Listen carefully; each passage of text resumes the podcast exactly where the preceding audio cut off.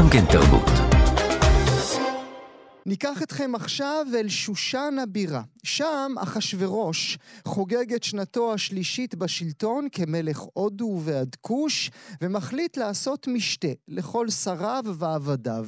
180 יום עורך המשתה הזה, שישה חודשים של ריקודים, אלכוהול, כאשר הכל מסביב עמודי זהב וכסף, הכלים כלי זהב, הרצפה בעת. ואז כשטוב לב המלך ביין, הוא אומר לסריסים שלו, תביאו לפה את אשתי, ושתי. אני רוצה להראות לכל הגברים השטויים שמסביב איזה פצצת על עולם היא. הסריסים משרתים נאמנים, מאומן, בזתה, חרבונה, בקתה ואבקתה, זתר וחרקס, הולכים אל ושתי, שומעת, המלך אה, רוצה שתבואי, אז תשימי עלייך משהו יפה, כי הוא רוצה להשוויץ בך. יש שיאמרו אף יותר מזה, לא תשימי עלייך משהו יפה, אלא תתפשטי חמודה, רק כתר שימי לך על הראש, ותופיעי כך מול כל החבר'ה השיכורים של בעלך. אבל ושתי לא פריירית, היא שולחת אותם חזרה ממאנת, לא באה, אני לא עובדת בשביל אף אחד, לא לא. המלך מתעצבן, והיועצים מחממים אותו. זה לא מקרה פרטי, אדוני המלך, הם אומרים לו. אם הנשים בממלכה תשמענה שהמלכה סירבה, ושנסלח לה, כדור שלג יתחיל להתגלגל, חס וש... ושלום, תנועת נשים תקום בשושן. כל הנשים של כולנו יתחילו להרים ראש, למען לנו, וזה כבר מסוכן. אז מה עושים עם המלכה? הגברים, כמו גברים, פשוט מתפטרים ממנה ומחפשים לה מחליפה. כך, זהו גורלה של ושתי, ולא רק גורלה שלה. שתי נשים נוספות יש במגילה, אסתר כמובן, וזרש. כל אחת מהן פן אחר של נשיות. האחת, תמה, בתולה, פסיבית, שנדרשת להקריב את גופה למען העם. השנייה עומדת על שלה. השלישית, מכשפה רעה, כל אחת מהן נענשת. על גורלן של נשים במגילה ועל המסר העולה ממנה, שתי חכמות איתנו. נברך לשלום את מי שתהתה על עצמה את דמותה של ושתי, הפרופסור מיכל בר אשר סיגל, פרופסור לתלמוד במחלקה למחשבת ישראל באוניברסיטת בן גוריון. בוקר טוב לך, או לילה טוב, יש לומר, את בייל הרחוקה, שלום לך. היי גואל. תודה שאת אה, נמצאת איתנו, ונברך גם את מי שתגלם עבורנו את אסתר. נברך לשלום את הדוקטור אורית אבנרי, עמיתת מחקר במכון ארטמן ומרצה למקרא במרכז האקדמי שלם, מחברת הספר עומדות על הסף, שייכות וזרות במגילות רות ואסתר. הדוקטור אבנרי, בוקר טוב לך. בוקר טוב. אני רוצה שנתחיל איתך, אה, ברשותך, הפרופסור מיכל בר אשר סיגל. קחי אותי אל אותה המסיבה. אה, אז המסיבה שלנו מתוארת בספר, במגילת אסתר, זאת אה, מגילה שנראית א-היסטורית כזו, היא מתובלת בפרטים פרסיים די מדויקים, מילים וכולי, אך נראית ככה מעל נובלה היסטורית, דמוי היסטורית. והנובלה הזו מתארת לנו מלך הדוניסט שעושה משתאות מלאות אלכוהול ו... ו-, ו- עושר, כבוד מלכותו, ויקר תפאלת גדולתו, וימים רבים, וה, וה, והמגילה עושה מאמץ רב כדי אה, להכניס אותנו ככה לאווירה כזו. ובהקשר הזה, אה, כפי שתיארת לנו קודם, הם אה, ביום השביעי, והמגילה מתארת לנו שהמלך שתוי, ככה כהוגן, הוא מודיע שהוא רוצה להביא את אשתו, את ושתי המלכה לפני המלך, ומדגישים בכתר מלכות. שזה פריט אה, מידע שמעניין את חז"ל בקריאות המאוחרות יותר. והמגילה מספרת לנו שככה המניע שלו להביא אותה קשור למניע, הכללי שלו. באופן כללי המשתה הוא נועד להראות mm. להראות את עושר כבוד מלכותו, את יקר תפארת גדולתו, הוא מראה מה יש לו, הוא מתפאר בממלכה mm-hmm. המופלאה שיש לו במשתה, וכחלק מזה הוא גם רוצה להראות אותה, mm-hmm. להראות את העמים והשרים את יופייה, כי טובת מראה היא. זאת אומרת, אותו, יש אותו... לי כלים עשויים פועל. זהב, יש לי רצפה עשויה בת, ויש לי אישה שנראית מצוין. זה הכל על אותו לבל. בדיוק. ושתי היא מה שאנחנו קוראים בקריאות אה, פמיניסטית, היא אובייקט, לא סובייקט. היא, היא הרכוש שלו, אה, לא דבר יוצא דופן בקריאות אה, של העולם העתיק, נשים היו חפצים של בעליהם, והיא איננה נספרת כמשהו שעובד בפני עצמו, כסובייקט שחושב, שיש לו רצונות, היא מטרתה להראות משהו שהוא יקר מציאות, הוא משהו טוב, הוא יפה, שהמלך רוצה להראות. אה, וההדגשה שלה כאישה יפה במגילה נועדה לבקר את אחשורוש, או שחז"ל משתתפים בכל התצוגה האנטי-נשית הזאת? יופי, זאת, זאת שאלה טובה, כי אני חושבת שאנחנו צריכים להתחיל קודם במקרא עצמו, ולראות שגם המקרא עצמו, באופן מעניין, הוא, הוא בסדר, אז אה, אישה היא באמת אה, חפץ של אה, בעלה, אבל מתאר, מתארים לנו שהוא היה שתוי. מתארים לנו ש, שזה נעשה במין חלק של, של, של מין אווירה כזו, שהיא איננה אווירה רגילה, זאת אומרת המקרא, וגם שההחלטה להביא אותה ולכעוס עליה וכולי, נעשית מתוך מין פחד של הגברים, mm-hmm. כן? הגברים מפוחדים, והמקרא חושף לנו את זה. Mm-hmm. היא פתאום מתגלה, במקום כאובייקט, כסובייקט. Mm-hmm. היא אשכרה לה עמדה עצמאית והיא מחליטה להמרות את פיו. אבל, אבל, אבל לפני, לפני שהיא אה, עומדת על שלה, מלמדים אותנו במגילה שגם היא באיזשהו סוג של אורגיה, גם היא באיזשהו סוג של אה, מסיבה הדוניסטית. אז אנחנו לא יודעים הרבה על המסיבה שלה, אנחנו רק יודעים שהיא עשתה מסיבה מקבילה. מי שאומר לנו שזאת מדינה, מסיבה הדוניסטית מקבילה זה חז"ל. Mm. חז"ל, כשיש להם את הדמות הזו, הם צריכים לפרש מה, מה, מה מהותה של אותה, של, אותו, של אותה דמות חדשה, דמות שהיא הופכת להיות מין סובייקט כזה, אז איך אנחנו נפרש אותה? ובאופן מפתיע הם, הם בוחרים לפרש אותה בצורה מקבילה למלך. הם ממש אומרים, היא עשתה מסיבה מקבילה אליו, משתמשים בביטוי מעניין, הם אומרים, אה, אה, שניהם לדבר אווירה כיוונו, mm-hmm. כך נמצא בגמרא, mm-hmm. זאת אומרת, שניהם רצו לעשות מסיבות חשק, mm-hmm. ואז הם אומרים, כדאמרי אינשי, כמו שהיו אומרים אנשים, הוא בדלויים והיא בקישואים. אפשר לדעתי לקרוא את זה. אני איתך, גואל, אני איתך. אני לגמרי חושבת שחז"ל... נהדר, זאת אומרת שהאימוג'י של החציל שאנחנו שולחות ושולחים האחד לשני, המציאו את זה חז"ל. בדיוק. עכשיו, המפרשים הקלאסיים רק אומרים, לא, לא, לא, הכוונה היא פה לירקות, שהם שניהם עוסקים שניהם באותה סוג של ירקות. אני חושבת שאי אפשר להתעלם פה מה, מהרפרנס המיני, אבל בהחלט חז"ל מושכים מאוד מאוד לכיוון הזה. תראה, כל העניין הזה שכתוב למשל שהוא קורא לה לבוא עם כתר מלכות על ראשה. חז"ל מסתכלים על הפריט מידע הזה ואומרים, תראו, זה פריט מידע שלא היה צריך להגיד אותו. למה צריך להגיד שהיא באה עם כתר על ראש? אז חז"ל אומרים, לוקחים את זה, שוב, הראש הגברי של חז"ל שקוראים את זה, הם לוקחים את זה פנטזיה אירוטית עוד יותר רחוקה, ואומרים, לא, הוא אמר לה לבוא עירומה, ממש להגיע למשתה עירומה עם כתר. Mm. תראה את הפנטזיה הגברית המינית, זאת אומרת, ממש לדמיין אותה ככזו, זה לא מופיע בפסוקים עצמם, כן?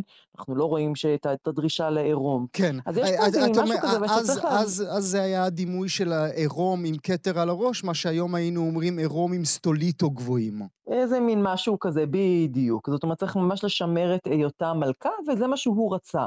אבל זה חז"ל, זאת אומרת שצריך לזכור שאנחנו מדברים ממש בקריאות גבריות, גם במקרא וגם בחז"ל שקוראים את זה, שעושים, שצריכים לעשות משהו עם דמות של אישה. אה, שהם צריכים להתמודד איתה, שהופכת מאובייקט לסובייקט, mm-hmm. היא מסרבת לבוא. ומה עושים איתה? אבל למה היא לא באה? במק... למה היא לא באה? או, אנחנו לא יודעים למה היא לא באה. המקרא לא אומר לנו למה היא לא באה. המקרא אומר שהיא סירבה לבוא. עכשיו, אה, הפחד של הגברים במקרא זה מה, מה, מה, נעשה עם העובדה שהיא סירבה לבוא, ו, ו, ומה זה יגיד לכל שאר הגברים. אבל למה היא לא באה אנחנו לא יודעים. עכשיו, חז"ל, לא, כמו שחז"ל יודעים לעשות, הם לא אוהבים להשאיר תעלומות כאלה סתם, והם מציעים כמה אפשרויות. אז הם קודם כל מציעים, הם לוקחים את העובדה שוושתי מצוינת כאישה יפה. אין לנו המון נשים שמצוינות כיפות. יש לנו כמה וכמה כאלה במקרא, לא המון. זאת אומרת, יש לנו את uh, שרה שהיא יפה, ורבקה שהיא יפה, אביגיל, בת שבע, uh, אבישג השונמית שחיממה את דוד. יש לנו כמה נשים שיודעים עליהן שהן יפות, וגם ושתי, שהיא יפה. וחז"ל לוקחים את העניין הזה וממשיכים את זה עוד. והם אומרים, הסיבה שהיא לא באה, זה כי היא הייתה נורא יפה, והיא פתאום באותו ערב לא הייתה נורא יפה. למה? או שהייתה לה צרה שפתאום פשטה. בדיוק. או שבא מלאך והצמיח לה אה, אה, זנב. זאת אומרת, יש לנו כל מיני מין תיאורים כאלה שבעצם מאמצים את עניין היופי, מדמיינים אותה כאישה יפה, ובעצם אם היא הרי חושקת בגברים, אז למה שהיא לא תשתף פעולה mm-hmm. עם הגברים, mm-hmm. אלא ברור שהיה בה איזה פגם. שזה כמובן אבל אה, זה, זה אה, מדהים שגם, ב, שגם, שגם בפירושים ההם, שאת מלמדת אותנו אותם עכשיו, לא עולה על הדעת של אותם פרשנים גברים להגיד, כי היא לא רצתה לבוא. לא, לא, זה לא. זה יקרה אחר כך בפרשנויות פמיניסטיות מודרניות של המאה ה-19. בקריאות של חז"ל, שוב, לא לשכוח, מי עושה את הקריאות הללו? בקריאות הללו זה פשוט קשה להם מאוד להבין למה שהיא לא תרצה לבוא. עכשיו, זה נכון שיש לנו קריאות אחרות שאומרות, אה, במדרשים אחרים של חז"ל, שאומרות שהסיבה שהיא לא רצתה לבוא, שמכיוון שזה היה מבחינתה פחיתות קומה. זאת אומרת, יש לנו כל מיני קריאות שאומרות אה, שבעצם ושתי היא זו שהייתה המלכה האמיתית עם הקשרים אה, המלכותיים, היא נצר לשושלת מלוכה, ואחשורוש הוא זה של, שהתחתן איתה, ולכן היא סירבה לבוא כי היה פה עניין מעמדי. אז זאת קריאה שאין לנו, לנו בסיס לה במקרא, וזה אולי יותר מושך לכיוון רצונה שלה ופחיתות הכבוד שהיא ראתה בהזמנה.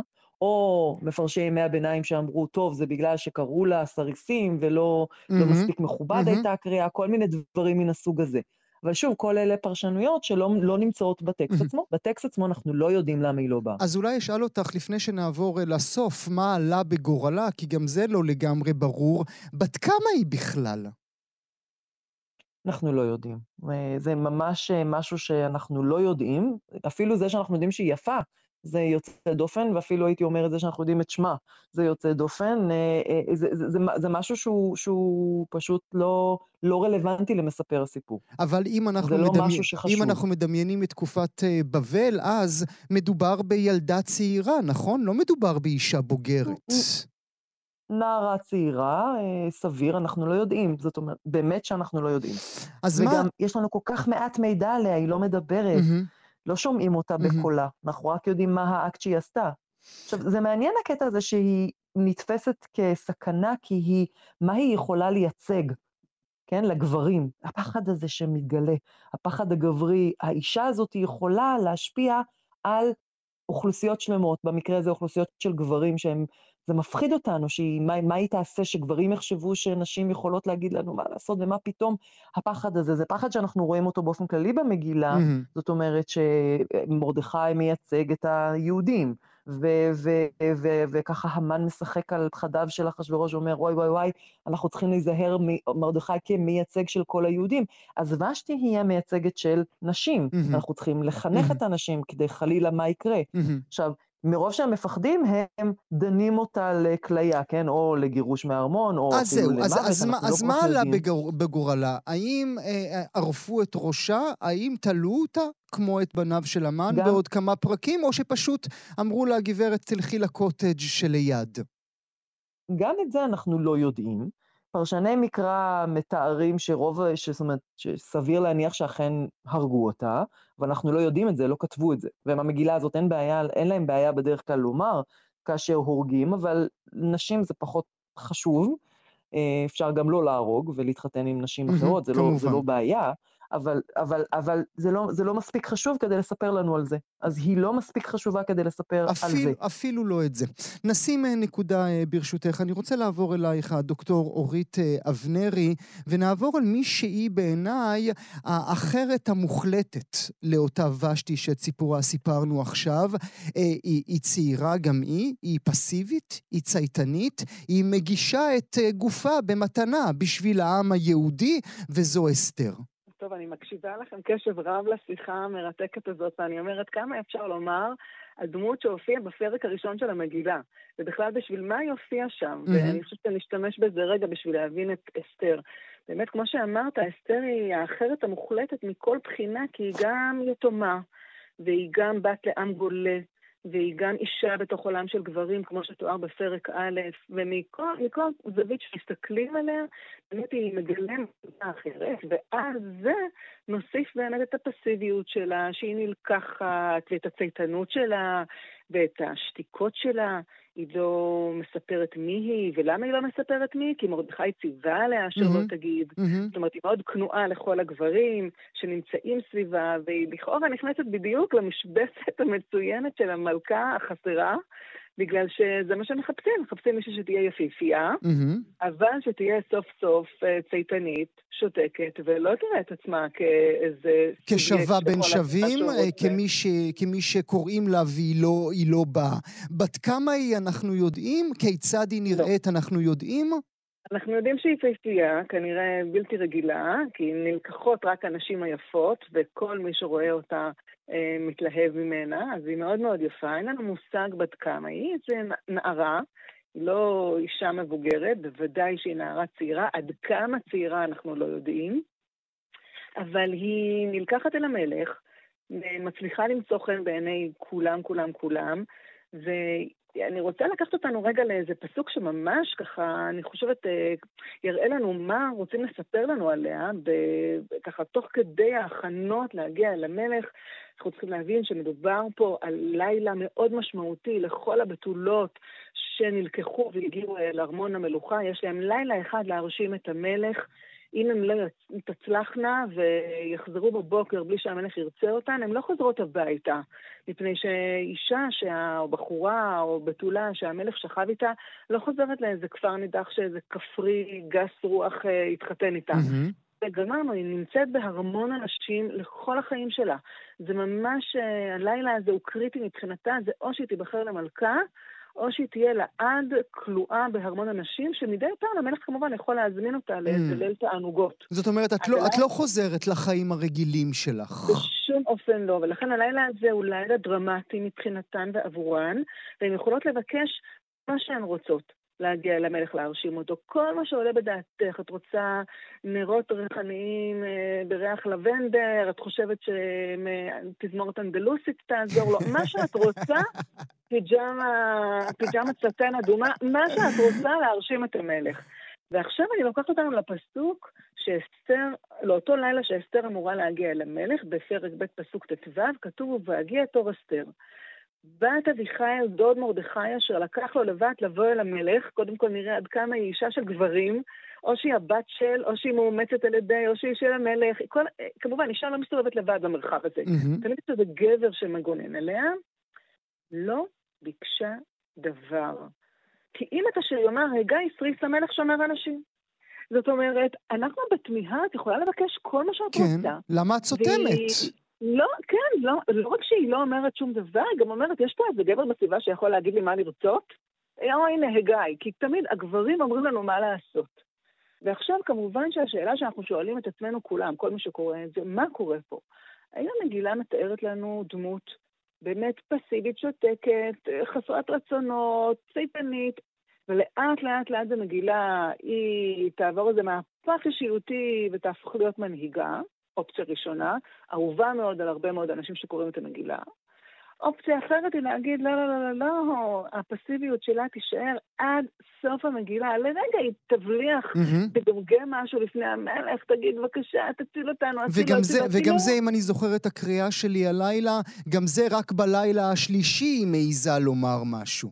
בלילה השני, נכון, היא מגיעה אל המלך, מזמינה אותו למשתה, ואז היא אומרת, אוקיי, תבוא מחר תבוא עוד פעם. Mm-hmm. בדיוק. ומיד אחרי שזה קורה, היא מזמינה את מרדכי שהוא יהיה על בית המלך, והוא זה שיצא ויבוא, והוא זה שיחתום על הדברים, כי היא לא מסוגלת לעשות, והמגילה מסתיימת בזוג נפלא שחי באושר ובאושר עד עצם היום הזה, אבל זה מרדכי ואחשוורוש. Mm-hmm. ויעשתם המלך אחשוורוש, מס על הארץ, וגדולת mm-hmm. מרדכי, והיא לא נמצאת שם בכלל.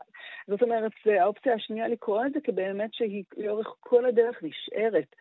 אין לה יכולת לצאת מהפסיביות הזאת, אפילו את האימהות. המגילה לא מעניקה לה, בגלל שהיא ככה מתנהגת כמו שהיא מתנהגת, ואנחנו לא יודעים מי הצאצאים שלה. אז עכשיו שכולנו עצבניים, או לפחות המגיש עצבני רצח, למה? את יודעת להסביר לי למה? למה להציג אותה ככה? אחד מהמודלים היהודים הגדולים ביותר שיש לנו? קודם כל אני רוצה לומר שאין מה לעשות. זאת אומרת, כל השיחה שלך עם מיכל על ושתי באה לצייר לנו עולם גברי מסוכן עבור קבוצות השוליים, במקרה זה הנשים. והשאלה היא איך אסתר תפעל פה. ואיך אסתר אה, אה, התחנכה, לתוך מה היא התחנכה, מה היא יכולה לעשות. אז אופציה אחת, כמו שאמרנו, היא לומר, כן, גם היא פסיבית, היא גם ראתה מה קרה לבשתי, ואומרת, אני לא לוקחת סיכונים, אני לא יכולה בכלל לעשות דברים כאלה, אני אשאר במקום ששמו אותי וככה אני אשרוד, זה ממש משהו הישרדותי, שרק כשאין לה ברירה, שהיא מבינה שגם העם היהודי שלה מאוים, היא איכשהו תפעל. אבל אני רוצה לומר שאם אתה ככה עצבני, גואל, בוא נרגיע את הדבר, כי יש עוד אופציה לקרוא את מה שאסתר עושה, וזה לומר, אסתר מבינה באיזה עולם היא חיה, והיא אומרת, אני אשחק את המשחק. אתם רוצים שאני אהיה פסיבית? קדימה, אני פסיבית בשביל שאתם תאהבו אותי, תיקחו אותי, ואני בתוך המערכת הזאת אפעיל אותה לטובתי. אני אדאג להיות מלכה, אני לא נשארת בארמון אנשים כל החיים שלי. מה זאת אומרת? מגיע לי הרבה יותר. אם הגעתי עד הלום, לקחתם אותי, אני הולכת להיות מלכה, ואני אעשה הכל בשביל זה. כולל שאתם תחשבו שאני פסיבית ושותקת. זה הכל משחק שהיא משחקת, זה מין נשת מסכות שאנחנו רואים פה. וזה מה שהיא עושה לאורך כל כל כל הדרך, מצליחה לשחק את המשחק, ואפילו אם אנחנו נשאל איזו שאלה פמיניסטית שכזאת, מי הצליחה יותר? אשתי mm-hmm. ששרפה את המועדון ואמרה, לא אכפת לי, mm-hmm. אני לא באה, mm-hmm. לא מעניין אותי, זה העקרונות שלי, אני הולכת עד הסוף. אוקיי, את בסוף לא מלכה. או אסתר שאמרה, טוב, הבנתי מה כללי המשחק פה, אני אכנס לתוך כללי המשחק, ואני אנסה בתוכם לפעול כדי להצליח כמה שיותר עבור עצמי ועבור קהילת ההשתייכות שלי, שזה העם היהודי. עכשיו, זה לא פשוט הדבר הזה, באמת, באיזה טקטיקה לפעול, ויש פה שני דגמים שונים, הזכרת גם את זרש המכשפה, mm-hmm, mm-hmm. אני חושבת שזה עוד דגם שלישי אולי, של אישה שאומרת, אני? מה זאת אומרת? אני יכולה להיות המייעצת, העוזרת, לפעול ביחד עם אמן בתוך המרחב הציבורי, אני אגיד לך מה צריך לעשות, וגם זה כושל כמובן.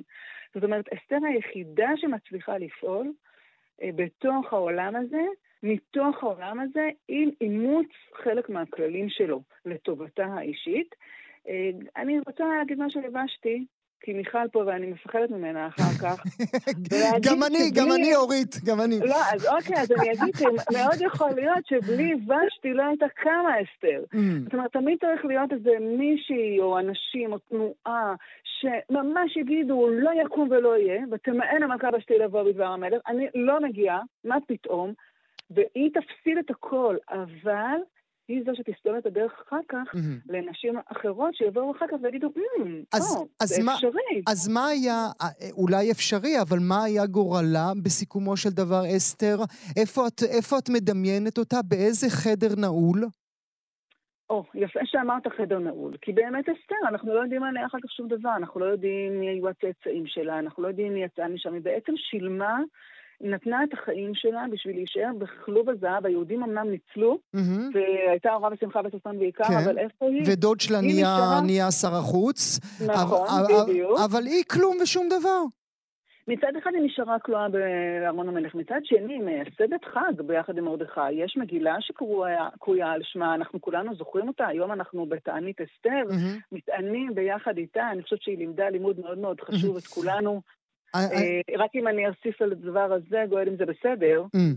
שאסתר אומרת, אני מוכנה ללכת לשלם את המחיר. אני אלך אל המלך, אבל לך כנוס את כל היהודים וצומו עליי. אני רוצה פה לויאליות, אני mm. רוצה ערבות, אני רוצה אחריות, אני רוצה מעורבות שלכם, אני רוצה לדעת שיש לי גב. ורק כך אני אלך ואפעל. אני רוצה לדעת שאתם מאחוריי, אני לא תנועה של אישה יחידה. אני, אני רוצה בעוד אה, שנייה ברשותך לעבור אל הפרופסור מיכל בר אשר סיגל, אה, אבל עוד לפני כן, מה עלה בגורלה של אה, זרש, הדוקטור אבנרי? אין לנו מושג. כלום! את המן תלו את כל היהודים שלה כן, תלו. כן, אני והיא נשארה עם הבושה שלה. אני מתארת לעצמי שהיא ככה צנחה מה... מהחלון למטה, אחרי uh, שלקחו לה את כל אבל, מה שהיה אבל, לה. אבל אפילו את זה, אפילו את החסד הזה, לומר מה עלה בגורלה, לא סיפרו לנו, ולמעשה לא מספרים לנו על גורלן של אף אחת מהגיבורות האלה. נכון, נכון. זה מעליב, זה מה, לפחות תספרו שהרגתם אותם, לפחות תהיו גברים מספיק. הפרופסור אה, מיכל בר אשר אה, סיגל, מה נשאר לנו מאותן נשים היום ב-2023? מי מהן צועדת בראש? קודם כל, אני חושבת שההערה של אה, אורית המופלאה היא הערה נורא חשובה. זאת אומרת, ה... הנשים האלה לא חשובות ולא מעניין את הגברים מה קורה איתם בסוף, הם, אבל יש להם נוכחות מפתיעה. זאת אומרת, תראה כמה אנחנו יכולים לומר עליהם, ותראה כמה הן מציבות שני מודלים באמת שונים, וההערה של אורית על הסולידריות של אסתר בניגוד ללבד של ושתי, היא, היא הערה מאוד חשובה, היא הערה מעניינת. זאת אומרת, יש פה מודל אחר של התנהלות, מודל אחר של, של, של השתלבות במרחב, והוא מודל חשוב. עכשיו, האירוניה היא שהגברים של המגילה פחדו מאוד מאוד שוושתי תהיה מודל לגברים או לנשים אחרות, לזלזל בבעליהם. והם ככה ניסו להעלים אותה כדי שהיא לא תהיה. מה שקורה באמת בהיסטוריה זה שבמאה ה-19 הדמות שלה אה, אה, הופכת להיות אה, דמות של מודל. זאת אומרת, בדיוק מה שהם פחדו שלא יקרה, אכן קרה, אה, אה, וזה, וזה החלק מתי? הנחמד איפה אה, מתי? של ההיסטוריה. אז זה מתחיל ממש במאה ה-19, יש לנו הריאט ביצ'ר סטו, כותבת uh, ב-1878, uh, שממש uh, כותבת על uh, ושתי שהיא האישה הראשונה שעומדת על זכויות נשים, ויש לנו את האחת מהסופרג'יסטיות, uh, אליזבת קיידי סטנטון כותבת, uh, uh, במאה ה-19 כותבת את ה-Woman's Bible, היא מנשות הסופרג'יסטיות שנלחמת על uh, זכות, זכות ההצבעה לנשים, אז היא ממש, כשהיא עושה את ה... היא, עושה ככה עם, עם תנ"ך נשים, עם, שמפר, שמפרשת את, ה, את המקרא, והיא מציינת את ושתי כדוגמה של, של נשיות מרוכזת בעצמה, ו, ו, וככה הגבהים של, של self-respect, של ככה hmm. כבוד עצמי של hmm. אישה, שהם חיפשו מודלים לחיקוי, ובשתי הייתה אחת כזו, בדיוק מה שהגברים במגילה ניסו למנוע. ויש איזה משהו ככה אירוני ונחמד, זה, זה מתפתח מאוד אגב, שוב חזרה במאה ה-20, כאשר התנועה, תנועות פמיניסטיות דתיות בישראל בשנות ה-80 ובשנות ה-60 מתחילות לחפש דמויות נשיות במקרא ומפתחות מאוד את דמותה של ושתי, רואים את זה בכל מיני ספרים, אבל זה באמת מתחיל בתנועה באמת נוצרית של, של כותבות במאה ה-19 כבר. זה מעניין, הגברים עוטפים אליהם את אסתר, הזכה, הכנועה, והנשים עוטפות אליהן את ושתי. אולי מילה אה, לסיום, ברשותך, דוקטור אה, אבנרי. כאשר אה, קוראות וקוראים היום ב-2023 מתוך המגילה, הקוראות והקוראים מבינים משהו ממה שאנחנו מדברים, או שזה עובר להם מעל הראש? רוצה להאמין שכן, אנחנו כל כך רגילים, אתה יודע, כל הבנות בגן עוברות דרך התחפשות למלכת אסתר. Mm-hmm. אני לא חושבת שיש מישהי שלא התחפשה למלכת אסתר מתישהו בחיים שלה.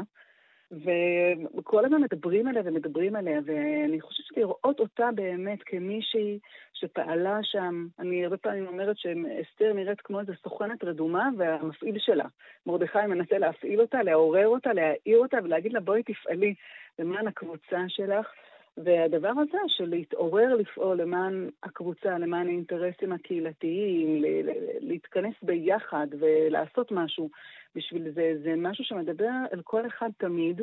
אני מקווה שבכל מצב שהוא, למרות המציאות הכל כך שונה פה, שאנחנו מיעוט בתוך גלות, ומה זה בכלל קשור לעולם שלנו, אבל כן, יש פה איזה סיפור של uh, מאבק כוחות בין נשים ובין גברים, בין יהודים לבין לא יהודים, בין המלך לבין uh, שאר העם, והשאלה מה עושים בתוך ניהול המערכות, מערכת הכוחות הזאת.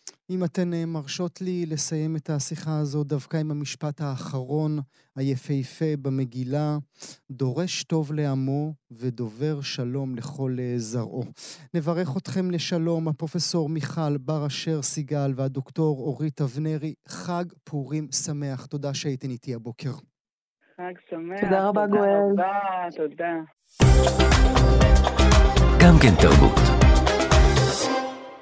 האם שורשי אמת יש למגילה? האם היה אחשורוש? האם היו אסתר, ושתי וזרש?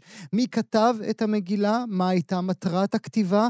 והאם באמת כל כך הרבה מתושבי בבל התגיירו, הפכו יהודים כפי שנכתב בה, ורבים מעמי הארץ מתייעדים כי נפל פחד היהודי, היהודים עליהם. מצאנו את האחד שיכול לענות לנו על כל השאלות האלה, מי שהסבים שלו לימדו אותו מה זה להיות יהודי ואיך להיות מענץ'. בימים אלה הוא מפרסם את ספרו ההיסטוריה הסודית של היהדות. נברך לשלום את החוקר, הבלשן, אילון גלעד, בוקר טוב לך. שלום, שלום גואל. מאוד אהבתי את ההקדשה שלך לסבים שלך, אבל זה אנחנו נעשה בשיחה אחרת. האם הייתה אסתר? האם היו ושתי וזרש? טוב, אז למרבה הצער נראה שהחלק הזה במגילה הוא לא, לא אמיתי. כלומר לא היסטורי. אה, אפשר לראות מהמגילה עצמה שהיא נכתבה זמן רב אחרי האירוע, האירועים המתוארים בה. אה, כתוב בסוף אה, שאת ימי הפורים חוגגים כבר לכל דור ודור, mm-hmm. לכל משפחה משפחה, כלומר זה כבר הרבה זמן אחרי. וגם הסיפורים עצמם, הסיפור של אסתר, הסיפור של מרדכי, הם הם, אה, הם אגדות, הם כתובים כאגדות, אה, לא סתם אגדות, אלא כאגדות חצר של אה, הפרסים, סיפורים שאנחנו מכירים מהגרסה הערבית שלהם באלף לילה ולילה. אז החלק הזה כנראה לא, לא אמיתי, אבל זה לא אומר שהכל לא אמיתי. אז על מה אנחנו כן יכולים להצביע ולומר אמת הוא? אז בעצם הסיפורים האלה על מרדכי ואסתר הם הרי סיפורי הרקע אבל המגילה עצמה מספרת לנו שהסיבה שנחנך חג הפורים הוא בגלל איזשהו uh, מאבק, מלחמה, שבו uh, uh, היהודים הורגים 75 אלף uh, משונאיהם, מאויביהם. Mm-hmm. עכשיו, לזה דווקא יש יסוד להאמין שזה באמת uh, אמיתי. קודם כל, כי אנחנו יודעים שבפרס, באותה תקופה, אה, באמת חונכים חגים לגבי, אה, בעקבות אה, מלחמת אזרחים. אנחנו יודעים על חג שנחנך בזמנו של אביו של אחשורוש, דריווש, טבח המאגוס, שבו הייתה מלחמת אזרחים, ובעקבות מלחמת אזרחים, הרודוטוס מספר לנו שנחנך החג הזה. טובחים ושמחים, טובחים וחוגגים. בדיוק. ויש עוד דוגמאות, בעיר זלה יש אה, חג שהם חוגגים לזכר העובדה שהם טבחו בתושבים הקודמים של העיר. זה כנראה משהו ש... די נפוץ. זאת, אומר, זאת אומרת שמתוך ויכו היהודים בכל אויביהם מכת חרב והרג ואובדן ויעשו בשונאיהם כרצונם, זה נותן לנו איזושהי אינדיקציה לכך שזה מבוסס על משהו שבאמת קרה.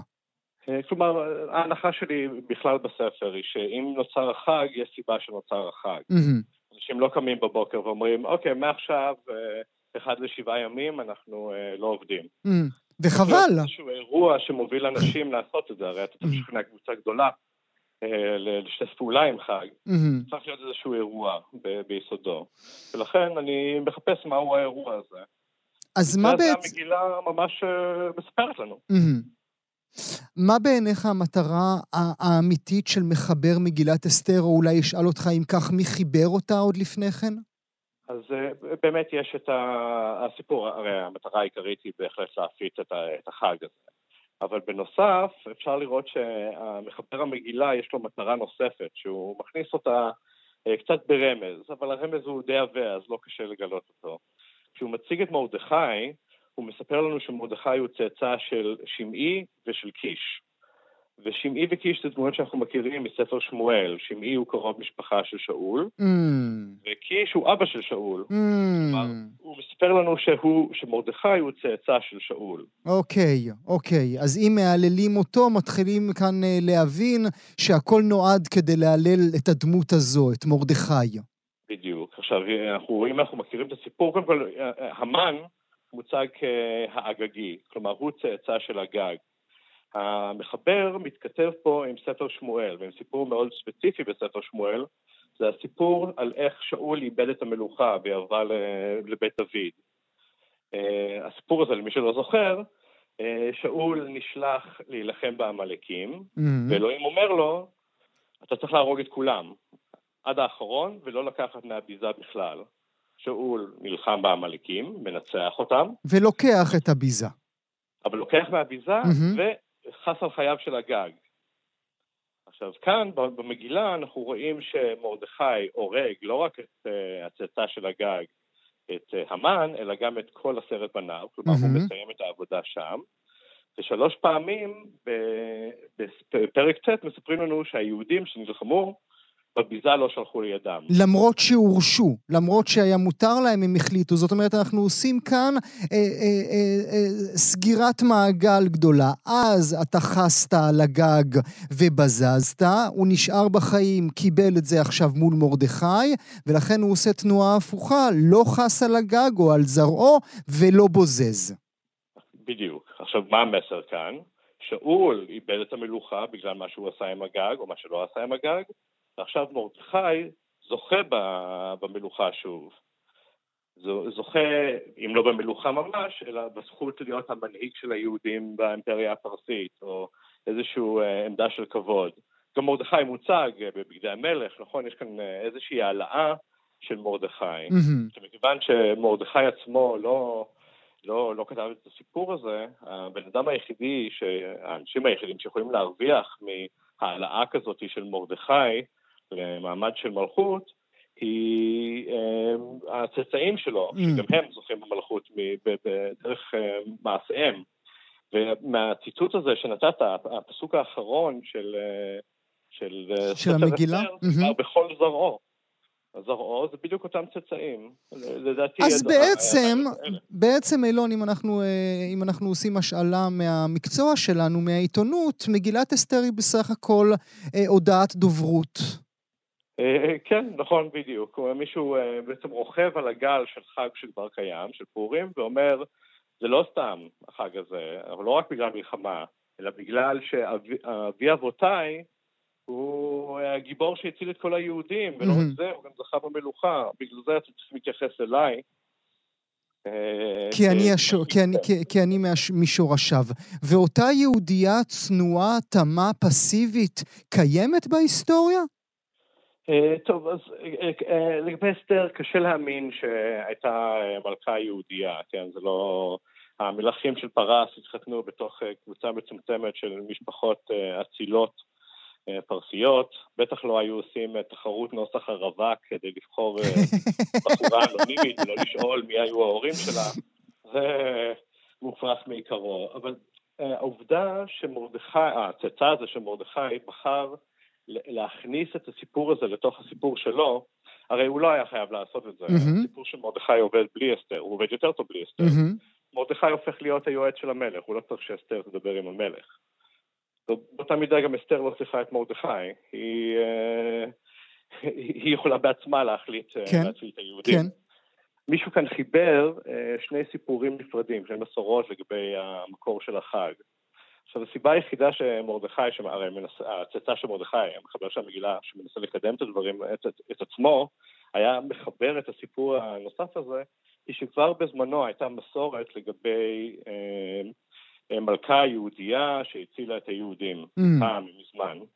עכשיו, אה, זה לא בהכרח שהייתה מלכה יהודייה, אבל יכול להיות שבאמת הייתה אה, מלכה לא יהודייה, שהייתה... נחמדה.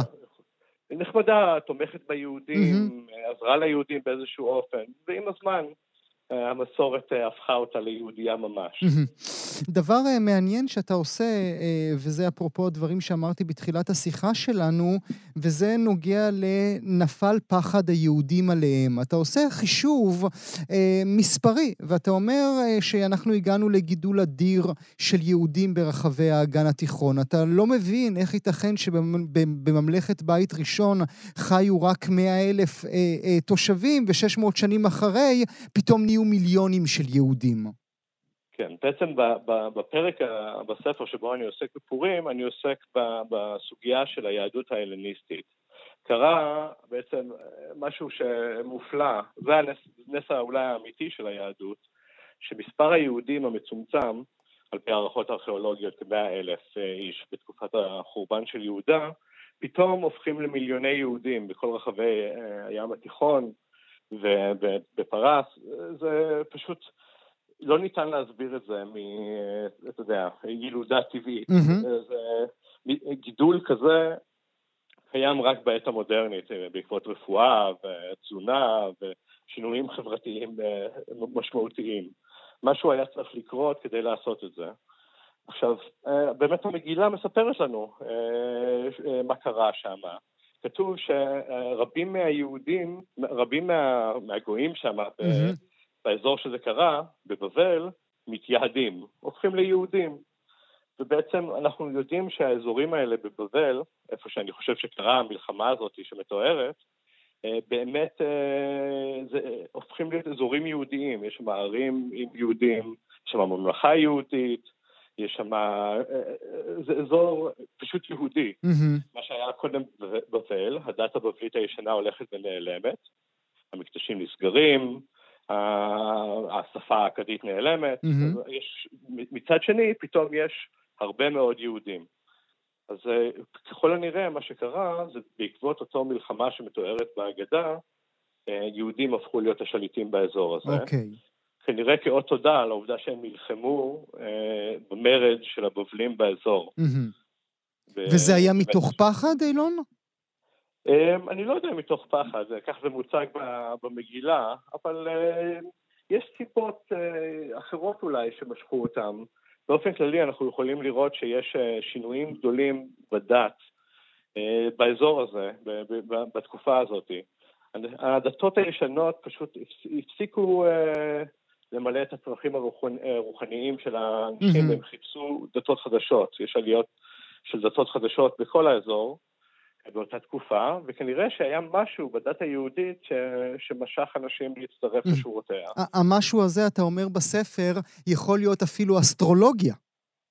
אה, כן, באמת אה, אנחנו מוצאים במקורות מוקדמים שאסטרולוגיה אה, היא מיוחסת ליהודים, יהודים אמורים, המנהלים של בתי כנסת, הם לא רבנים בתקופה הזאת, הם מומחים לאסטרולוגיה, זה קצת יותר אה, תקף לגבי השינוי, ההתייעדות הגדולה באימפריה הרומית, כי הרי האסטרולוגיה מגיעה מבבל, אז האסטרולוגיה כבר הייתה שם, אבל מאוחר יותר, כשמתחילים אה, להתייעד ברחבי האימפריה הרומית, ובסופו של דבר מיליוני אנשים מצטרפים לדת הזאת, אה, אפשר לראות שאחד האפשרויות שמשכו אותם, משהו שמשך אותם, זה אסטרולוגיה. Mm-hmm. רואים שאסטרולוגיה היא ממש בלב ליבה של הדת היהודית בתקופה הזאת. בבתי כנסת שנמצאים מהתקופה, יש uh, גלגל מזלות באמצע הבית כנסת, באמצע אולם התפילה. Mm-hmm. אז אפשר פשוט לתת להם כרב את מרים בנימיני, זה יכול היה לעבוד. אה, אולי, אה, אתה יודע, אה, בתקופה הזאת היו אסטרולוגים אחרים שבהחלט משכו. היו גם סיבות אחרות, אבל האסטרולוגיה הייתה ממש שיגעון באימפריה הרומית. בגלל זה גם השבוע תפס. לפני כן, אתה יודע, החלוקה לשבועות הציעו יהודים בשבת, אבל הרומאים אימצו את השבועות כי בעצם כולם דיברו על איזה יום בשבוע, איזה מזל היום. אה, זה כל כך היה אה, חזק דבר, שעד היום כולנו משתמשים. כולם משתמשים בזה. יום ראשון, יום שני. אולי, אה, אולי נסיים בתחפושות. מאיפה זה מגיע? איך כל זה מתחבר למה שאנחנו מקבלים היום? אז תחפושות, זה לא מופיע במקורות העתיקים. רבי יהודה הנשיא לא מספר לנו במשנה שאנחנו צריכים ללכת להתחפש. וגם בתלמוד זה לא, לא, זה לא חלק מה... מה מהפולחן של פורים היהודי. ובעצם אה, לא קשה לנחש אה, מה גרם לזה, כי יש חג נוצרי אמנם, שכולל בתוכו תחפושות, וזה הקרנבל, mm. באיטליה, מרדיגה בעולם הצרפתי, פסטנח בעולם דובר הגרמנית, וזה יוצא תמיד, כל שנה, פחות או יותר, בסביבות של פורים. ובחג הזה יש, אתה יודע, מסכות ומסיבות, וכל זה חלק מאוד מרכזי בחגיגה. ויהודים השתתפו, אנחנו יודעים, בחגיגות האלה. חיו בשכנות עם היהודים, הם לא חיו בנפרד. ואנחנו גם יודעים שממש השתתפו. בקרנבל ברומא, יהודים שילמו על הקרנבל הזה. היו מגישים את ה, כל שנה את הכסף ששילם על הקרנבל mm. בטקס משפיל שבו ראש הקהילה היהודית היה מביא לראשי הקהילה הנוצרים את הכסף ואז היו בועטים להם בתחת. היה שם מרוץ, מרוץ היהודים כחלק מהקרנבל. הפשיכו את הגברים היהודים לרוץ בעירום ברחובות, בעוד שהגויים צעקו על אבותינו. אוקיי, נשמע כיף. אה, כן, אולי... אה, אולי לא היה כיף בתקופות שזה קרה ליהודים ברומא, אבל במקומות אחרים אנחנו שומעים בצפון איטליה, שיהודים דווקא כן נהנים, משתתפים, אה, לא בצורה משפילה, אלא, אתה יודע, עושים כיף בחוץ, אתה מצטרף. והנה זה הגיע עד חולון, משם. נאמר אה, שוב, מאזינות ומאזינים, ההיסטוריה הסודית של היהדות, ספרו החדש של הבלשן אילון גלעד, לעונג רב, תודה שהיית איתי הבוקר, חג שמח.